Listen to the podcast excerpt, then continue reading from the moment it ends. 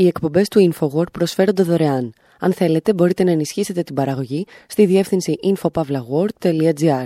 Η διεύθυνση infopavlagor.gr. Η εκπομπή InfoWord με τον Άρη Χατζηστεφάνου.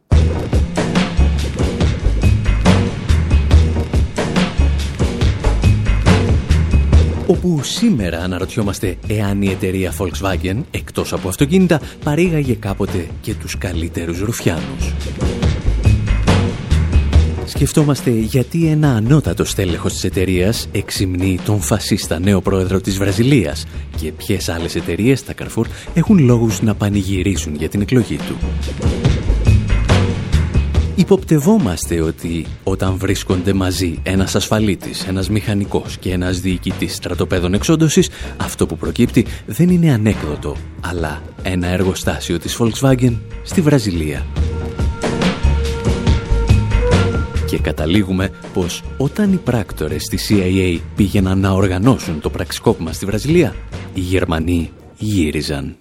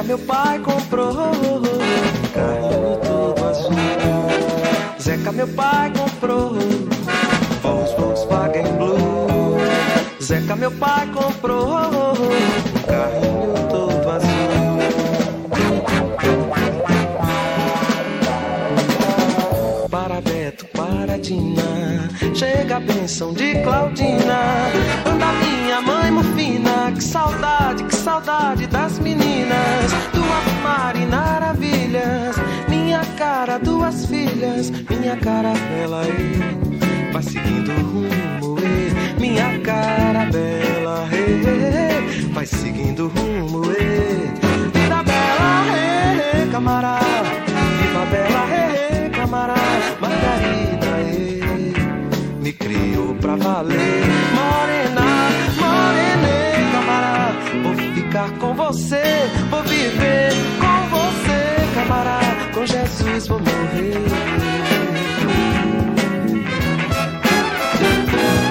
Zeca meu pai comprou, BMW mais novo. Zeca meu pai mandou, beijo, abraço, saudoso.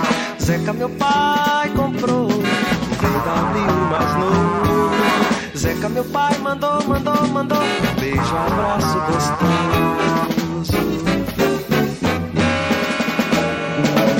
Πίσω στα 1969 ο Ζιλμπερτο Ζιλ γράφει το Volks Volkswagen Blues, τα blues της Volkswagen. Θυμάται ιστορίες από τα νεανικά του χρόνια, όταν ο πατέρας του αγόρασε το πρώτο Volkswagen της οικογένειας. Ο Ζιλ αποτελεί ένα ζωντανό κομμάτι του βραζιλιάνικου πολιτισμού.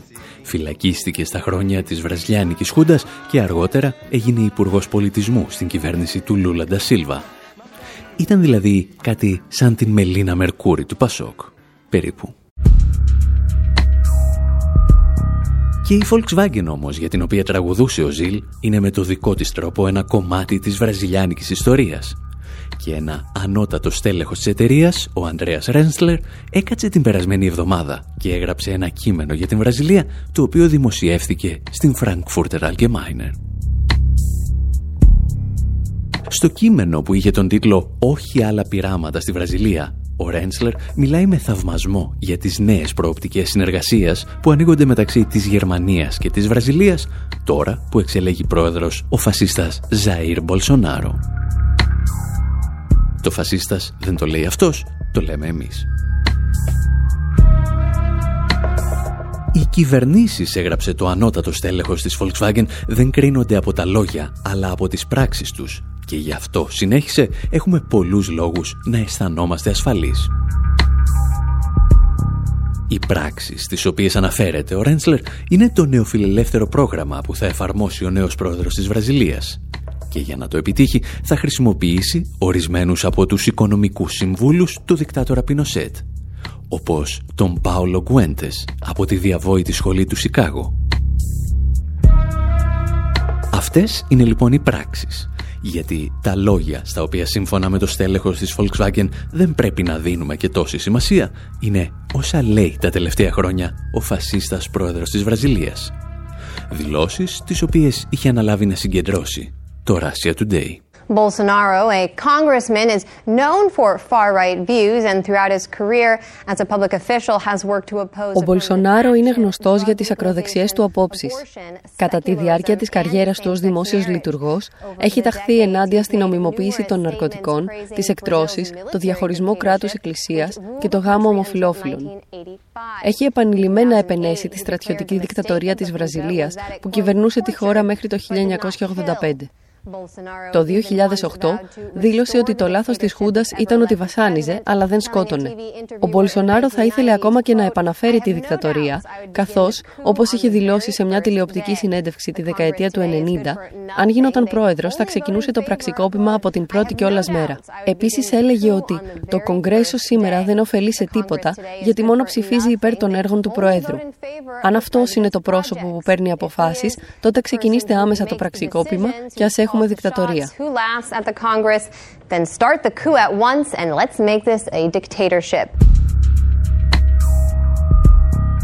Για να είμαστε δίκαιοι, η Volkswagen και τα στελέχη της δεν είναι οι μόνοι που άρχισαν να πανηγυρίζουν όταν πληροφορήθηκαν την εκλογή ενός φασίστα στην ηγεσία της πέμπτης μεγαλύτερης οικονομίας του πλανήτη. Η Deutsche Bank εν μέσω της προεκλογικής περίοδου χαρακτήρισε τον Μπολσονάρο εκλεκτό των αγορών και ποιος χρηματοδοτούσε τον εκλεκτό, μεταξύ άλλων και ο Αμπίλιο Ντινής, ο δεύτερος βασικότερος μέτοχος των γαλλικών σούπερ μάρκετ Carrefour. Την ίδια ώρα, η καναδική δημόσια τηλεόραση μιλούσε για τον ενθουσιασμό που επικρατεί μεταξύ των καναδικών εταιριών εξορίξεων. Γιατί, φυσικά, ο Μπολσονάρο τους έχει υποσχεθεί να ψαλιδίσει την νομοθεσία για την προστασία του Αμαζονίου του μεγαλύτερου πνεύμονα του πλανήτη. Όλα αυτά όμως θα μπορούσαν να χαρακτηριστούν και έρωτες της μίας ημέρας ή one night stands. Στην περίπτωση της Volkswagen όμως έχουμε έναν έρωτα που παραμένει άσβεστος από τα μέσα της δεκαετίας του 50. Και ορισμένα στοιχεία αυτού του έρωτα ήρθαν στο φως της δημοσιότητας πριν από περίπου ένα χρόνο χάρη σε μια ένορκη διοικητική έρευνα που είχε διατάξει η ανατραπήσα πρόεδρος Ντίλμα Ρούσεφ.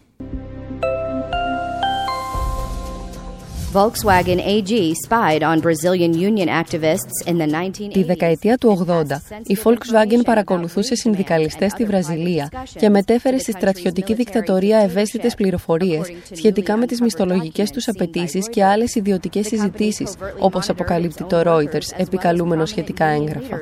Η εταιρεία παρακολουθούσε κρυφά τους δικούς της εργαζόμενους, αλλά και γνωστούς συνδικαλιστές της εποχής. Ένας από τους στόχους της Volkswagen ήταν ο Λουί Ινάσιο Λούλα Ντασίλβα, ο μετέπειτα πρόεδρος της Βραζιλίας από το 2003 ως το 2010, που παραμένει ακόμα και σήμερα ένας από τους πολιτικούς με τη μεγαλύτερη επιρροή. Τα έγγραφα ανακαλύφθηκαν πρόσφατα στα αρχεία της κυβέρνησης από ειδική επιτροπή που συστάθηκε από την πρόεδρο Ντίλμα Ρούσεφ και η οποία ερευνά τα περιστατικά κατάχρησης εξουσίας από το καθεστώς στο διάστημα 1964-1985.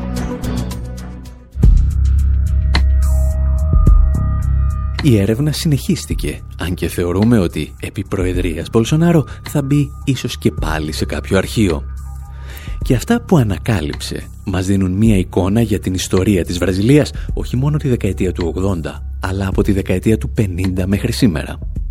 Ιστορίες για τις οποίες θα μας επιτρέψετε να σας ταξιδέψουμε μερικές δεκαετίες πίσω.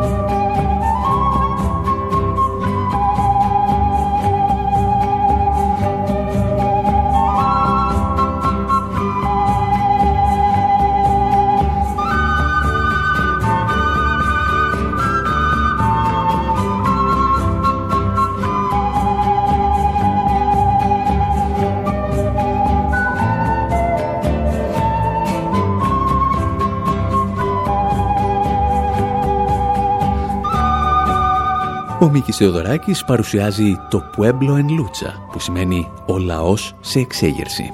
Είναι το soundtrack της ταινίας «Κατάσταση πολιορκίας» του Κώστα Γαβρά.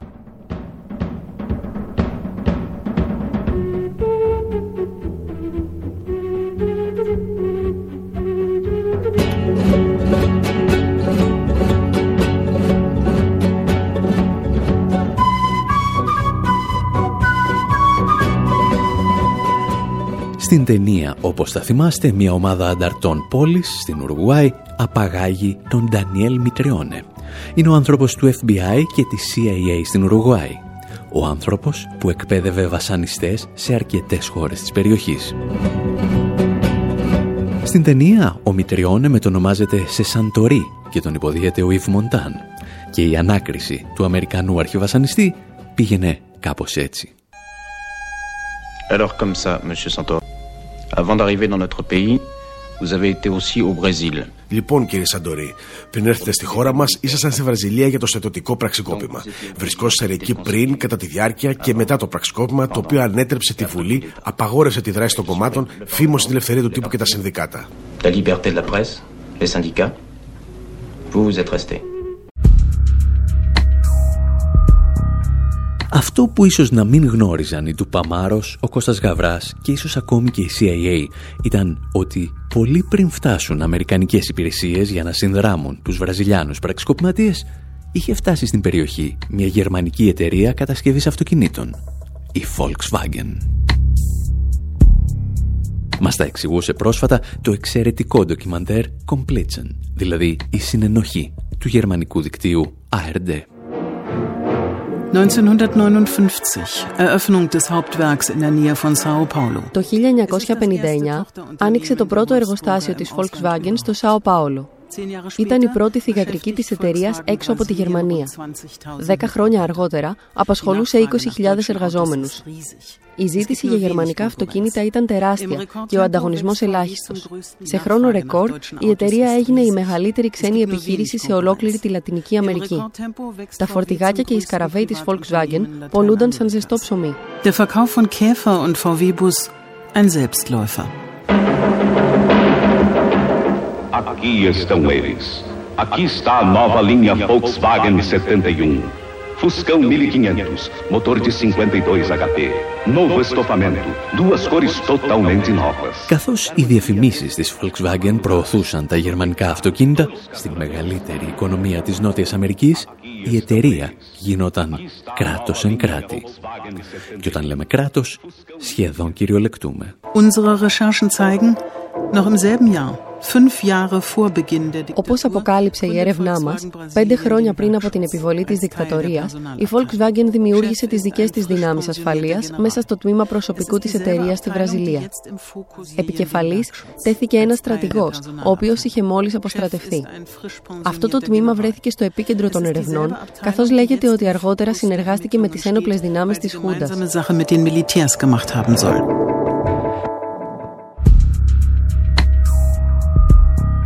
Sache mit den Militärs gemacht haben soll. Αρκετές δεκαετίες αργότερα, όταν η πρόεδρος Ντίλμα Ρουσέφ θα διατάξει τη διεξαγωγή ομοσπονδιακής έρευνας, διαπιστώνεται ότι η Volkswagen είχε ένα πολύ μεγαλύτερο μηχανισμό εποπτείας από ό,τι μπορούσε να διανοηθεί κανείς. Tinha esses dois lados. Você tinha a, a segurança normal que toda empresa tem, que Η εσωτερική ασφάλεια της εταιρείας είχε δύο καθήκοντα. Το πρώτο ήταν η ασφάλεια των εγκαταστάσεων με την παραδοσιακή έννοια. Υπήρχε όμως και η άλλη πλευρά. Οι ίδιοι άνθρωποι ασχολούνταν με τους απεργούς και τους συνδικαλιστές. Ουσιαστικά η εταιρεία λειτουργούσε σαν το μακρύ χέρι της βραζιλιάνικης αστυνομίας.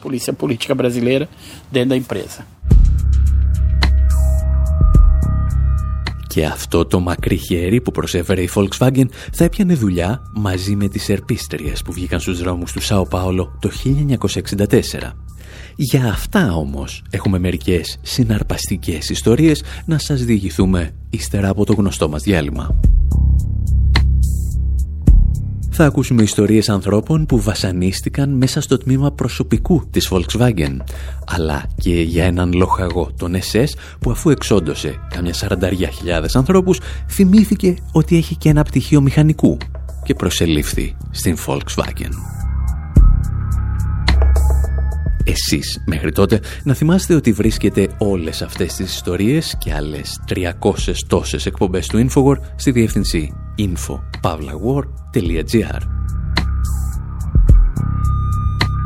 Και αν θέλετε να μην χάνετε τίποτα, μπορείτε να ενεργοποιήσετε τις αυτόματες ειδοποιήσεις που θα βρείτε στο κάτω δεξιά μέρος της σελίδας μας. Και μέσω αυτών των ειδοποιήσεων θα αρχίσουμε τις επόμενες ημέρες να προσφέρουμε και μερικά βιβλία ή εισιτήρια κινηματογράφων.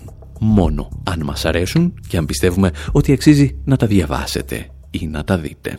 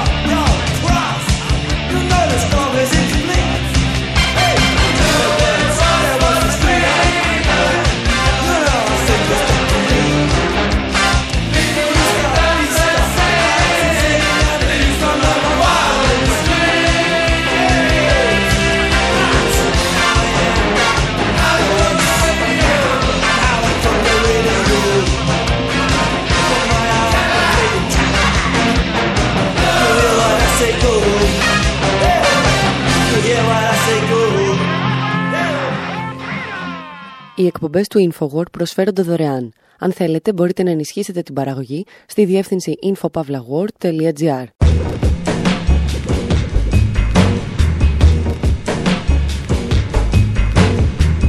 Εκπομπή InfoWord, μέρος δεύτερο.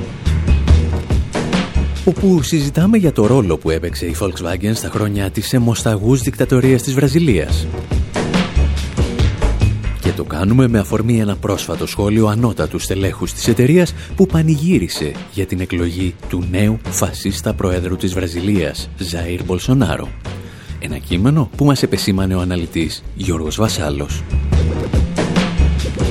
Έχουμε αφήσει την ιστορία μας την στιγμή που η Volkswagen δημιουργεί τη δική της ασφάλεια, η οποία δεν θυμίζει τις κλασικές ασφάλειες εταιριών, αλλά την κρατική ασφάλεια, και κυρίως αυτό που στην Ελλάδα αποκαλούμε τμήμα προστασίας του κράτους και του πολιτεύματος.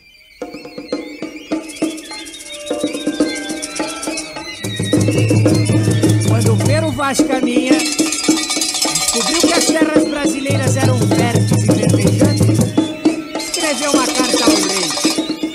Tudo que nela se planta, tudo cresce e floresce. E o Gauss na época gravou.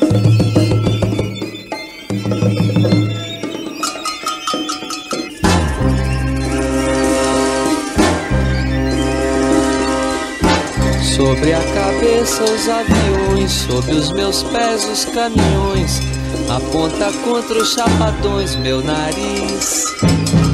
Eu organizo o movimento, eu oriento o carnaval, eu inauguro o monumento no Planalto Central do país. Viva a bossa, sa, sa, viva a palhoça, sa, sa. Viva a bossa, sa, sa, viva a palhoça, sa, sa, sa, sa.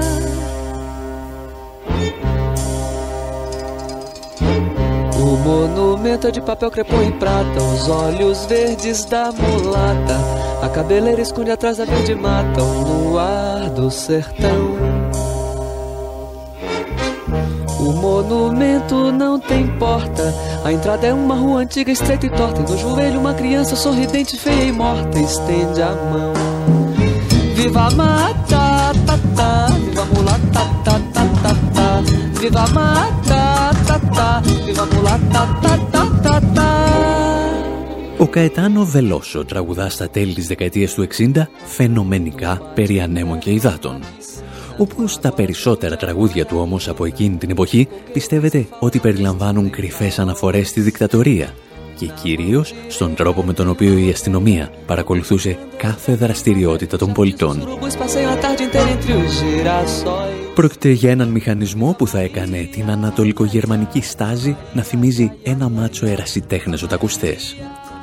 Όπως εξηγούσε όμως και παλαιότερα ο Νόαμ Τσόμσκι, μας έχουν μάθει να βλέπουμε τα καθεστώτα του πρώην Ανατολικού Μπλοκ σαν συνέχεια της Σοβιετικής Ένωσης. Ποτέ όμως δεν μας έμαθαν ότι οι δικτατορίες της Λατινικής Αμερικής ήταν η συνέχεια των Ηνωμένων Πολιτειών. Στη συγκεκριμένη περίπτωση βέβαια, η στάζη ίσως και να είναι ελαφρώς πιο χρήσιμη για την ιστορία μας, γιατί οι βασικοί συνεργάτες της βραζιλιάνικης Χούντας δεν ήταν Αμερικάνοι, αλλά Γερμανοί τουλάχιστον στις παρακολουθήσεις.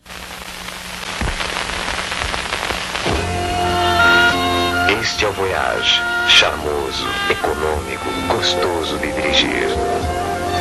Este é o Voyage para ti, com mais espaço e versatilidade. Η Volkswagen, όπως είδαμε, είχε γίνει η μεγαλύτερη εταιρεία της Βραζιλίας και μεταξύ άλλων είχε στήσει από τη δεκαετία του 50 ένα τμήμα εσωτερικής ασφάλειας που παρακολουθούσε τους εργαζομένους της ακόμη και έξω από τα εργοστάσια. Και όπως μας θύμισε το ντοκιμαντέρ του γερμανικού δικτύου ARD, ένας τέτοιος μηχανισμός απέκτησε ιδιαίτερη αξία στα χρόνια της Χούντας. Und die putschen sich 1964 an die Macht. Το 1964 ο στρατός κατέλαβε την εξουσία με πραξικόπημα. Το καθεστώς έμεινε στην εξουσία για 21 χρόνια. Προτεραιότητές του ήταν η οικονομική ανάπτυξη και η επιβολή της τάξης. Αυτό ακριβώς που ήθελε και η Volkswagen. Όταν η εταιρεία άνοιγε το δεύτερο εργοστάσιό της, ο στρατός τρεφόταν εναντίον του λεγόμενου εσωτερικού εχθρού. Όποιος συνδεόταν με το Κομμουνιστικό Κόμμα κινδύνευε να βασανιστεί και να εκτελεστεί und Tod. Σχεδόν 45 χρόνια αργότερα, ομοσπονδιακοί επιθεωρητές της Βραζιλίας που άρχισαν να ερευνούν την υπόθεση, βρήκαν μπροστά τους τα αρχεία της Volkswagen, τα οποία με έναν μυστηριώδη τρόπο είχαν περάσει στα χέρια της κρατικής ασφάλειας επιχούντας. Todos estes boletins de ocorrência da Volkswagen que foram para σε αυτά τα βιβλία βρίσκονται όλα τα περιστατικά που σχετίζονται με την Volkswagen και τα οποία στάλθηκαν στην αστυνομία και το στρατό. Αυτά τα έγγραφα περιέχουν τα ονόματα όσων εργατών απασχολούσαν την αστυνομία. Παραδείγματο χάρη, όλα τα ονόματα των ανθρώπων που συμμετείχαν σε απεργίε. Δίνοντα αυτέ τι πληροφορίε στο κράτο, η Volkswagen παρέδιδε στην αστυνομία και το στρατό του συγκεκριμένου ακτιβιστέ.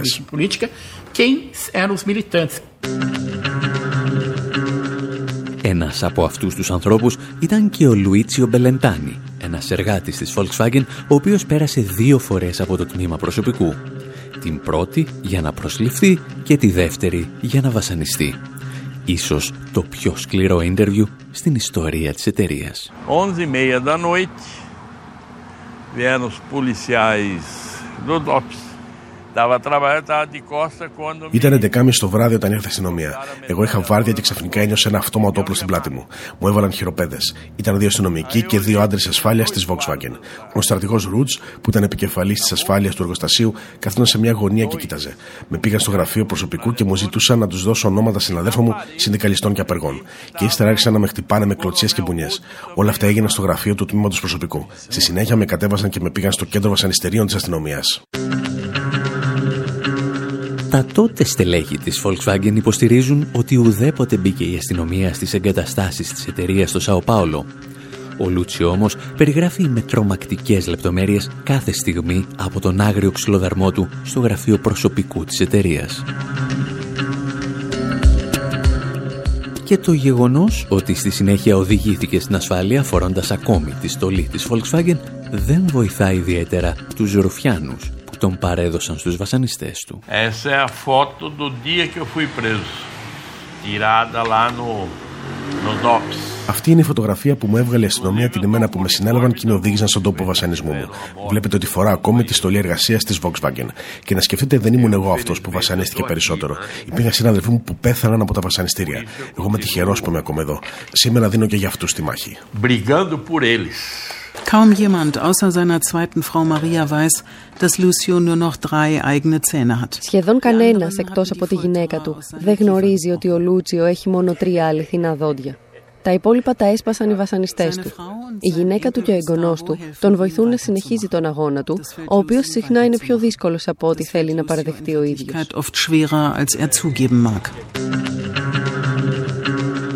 Ο Λούτσιο δίνει εδώ και δεκαετίες μία μάχη ζητώντας από τη Volkswagen όχι αποζημίωση, αλλά μόνο μια συγνώμη, την οποία η εταιρεία αρνείται πεισματικά να του δώσει. De forma indireta, ela foi responsável por, por várias η Volkswagen είναι έμεσα υπεύθυνη για αρκετά περιστατικά βασανισμών και διώξεων. Δεν μπορείς να το κρύψεις αυτό κάτω από το χαλί. Πρέπει να σηκώσουμε μαζί αυτό το χαλί. Η Volkswagen πρέπει να έχει την αξιοπρέπεια να αναλάβει τις ευθύνες της για αυτά τα κλίματα.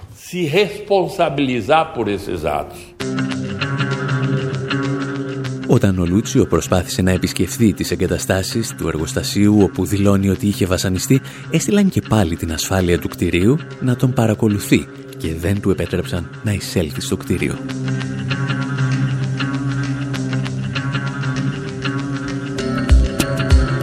Η θηγατρική της Volkswagen στη Βραζιλία βέβαια αρνείται ακόμη και σήμερα ότι μπορεί αυτά τα περιστατικά να συνέβησαν εν γνώση της διοίκησης της εταιρείας.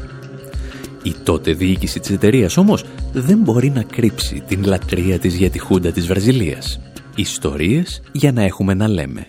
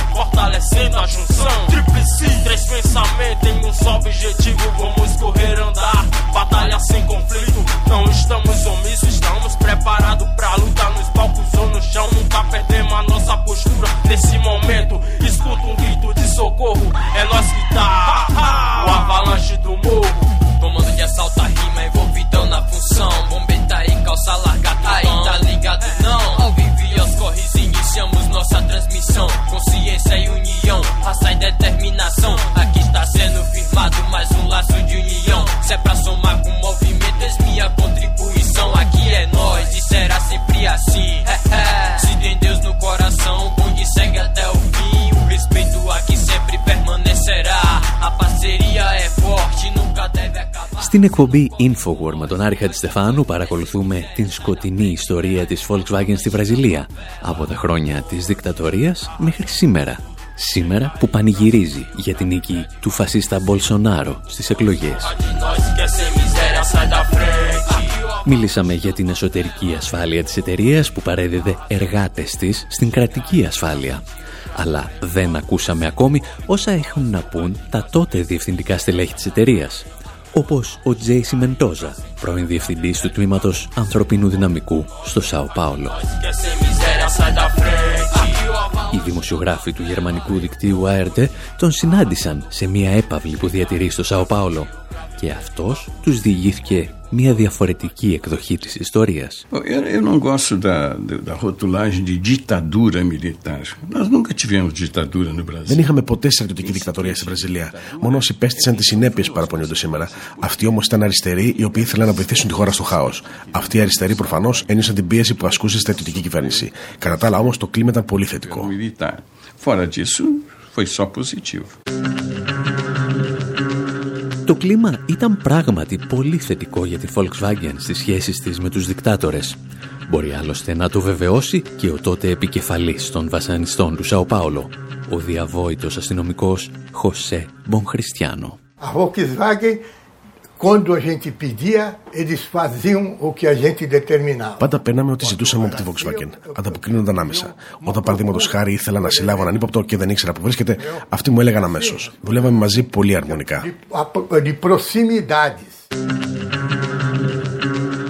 Φυσικά όλες αυτές οι δηλώσεις αλλά και οι πράξεις θα μπορούσαν να αποδοθούν σε δευτεροκλασάτα στελέχη της Volkswagen που λειτουργούσαν χωρίς να ενημερώνουν τη διοίκηση στο Σάο Πάολο και πολύ περισσότερο τα κεντρικά στη Γερμανία.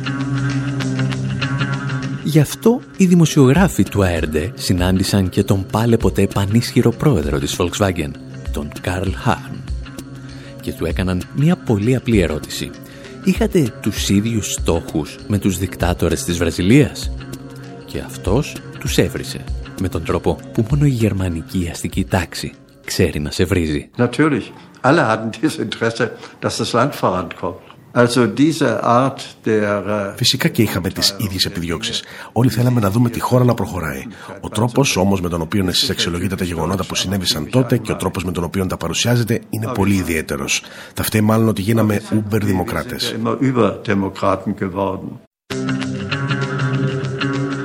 Η αλήθεια είναι ότι αν ήμασταν στη θέση του πρώην πανίσχυρου προέδρου της Volkswagen δεν θα χρησιμοποιούσαμε με τόση ευκολία λέξεις που ξεκινούν από Uber και θυμίζουν το Deutschland Uber Alles.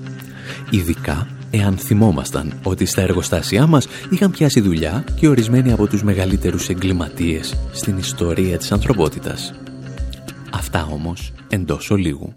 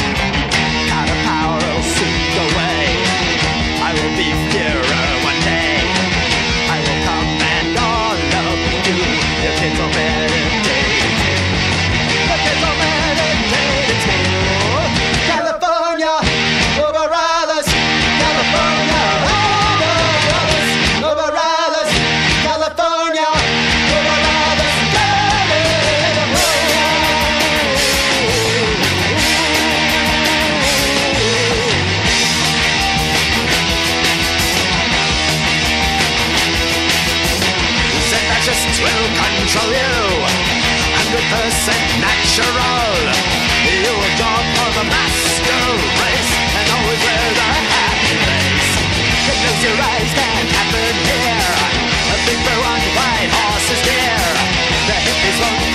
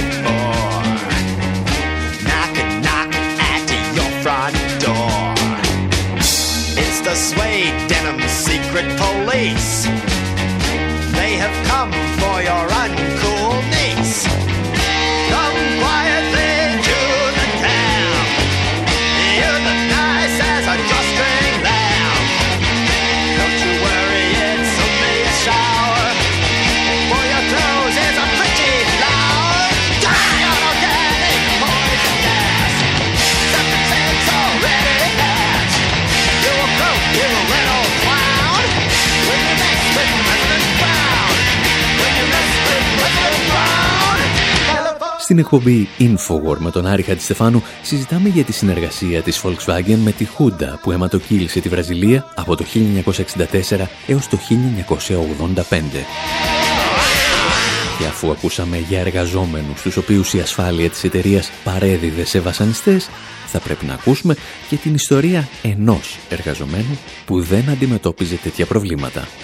Τον έλεγαν Φραντς και ήταν μηχανολόγος γενοκτόνος. Dieser Mann bekam bei VW umstandslos einen Arbeitsvertrag. Υπήρχε ένας άνθρωπος που βρήκε πολύ εύκολα δουλειά στη Volkswagen Βραζιλίας. Ο Φραντ Στάγκλ, διοικητής των στρατοπέδων εξόντωσης του Σομπιμπόρ και της Τρεμπλίνκα. Ήταν αρμόδιος για την ομαλή διεξαγωγή των μαζικών εκτελέσεων. Ήταν δολοφόνος, για τον οποίο είχε εκδοθεί διεθνές ένταλμα σύλληψης. Παρ' όλα αυτά βρήκε εύκολα δουλειά στη Volkswagen με το αληθινό του όνομα. Αργότερα μάλιστα, η εταιρεία προσφέρθηκε να του βρήκε δικηγόρο, αν και τελικά καταδικάστηκε για το θάνατο 400.000 ανθρώπων. Stangl sogar nach dessen Verhaftung noch einen Anwalt empfahl. Η Volkswagen λοιπόν προσέλαβε έναν πρώην διοικητή στρατοπέδων εξόντωσης των Ναζί, ο οποίος κατέθεσε ένα βιογραφικό με το πραγματικό όνομά του, ενώ εκκρεμούσε σε βάρος του διεθνές ένταλμα σύλληψης. Γιατί, ως γνωστόν, ο γερμανικός καπιταλισμός σου δίνει πάντα και μια δεύτερη ευκαιρία. Εμείς πάντως κάπου εδώ θα σας αφήσουμε και για αυτή την εβδομάδα. Πάμε να συνεχίσουμε τη δουλειά μας για το νέο μας ντοκιμαντέρ Make the Economy Scream, στο οποίο μπορείτε, αν θέλετε, να γίνετε και εσείς συνένοχοι από τη σελίδα maketheeconomyscream.com Μέχρι την επόμενη εβδομάδα πάντως, από τον Άρη Χατζηστεφάνου στο μικρόφωνο, την Μυρτώ Σιμεωνίδου σε μεταφράσεις και εκφωνήσεις και τον Δημήτρη Σταθόπουλο στην Γενική Τεχνική Επιμέλεια, γεια σας και χαρά σας.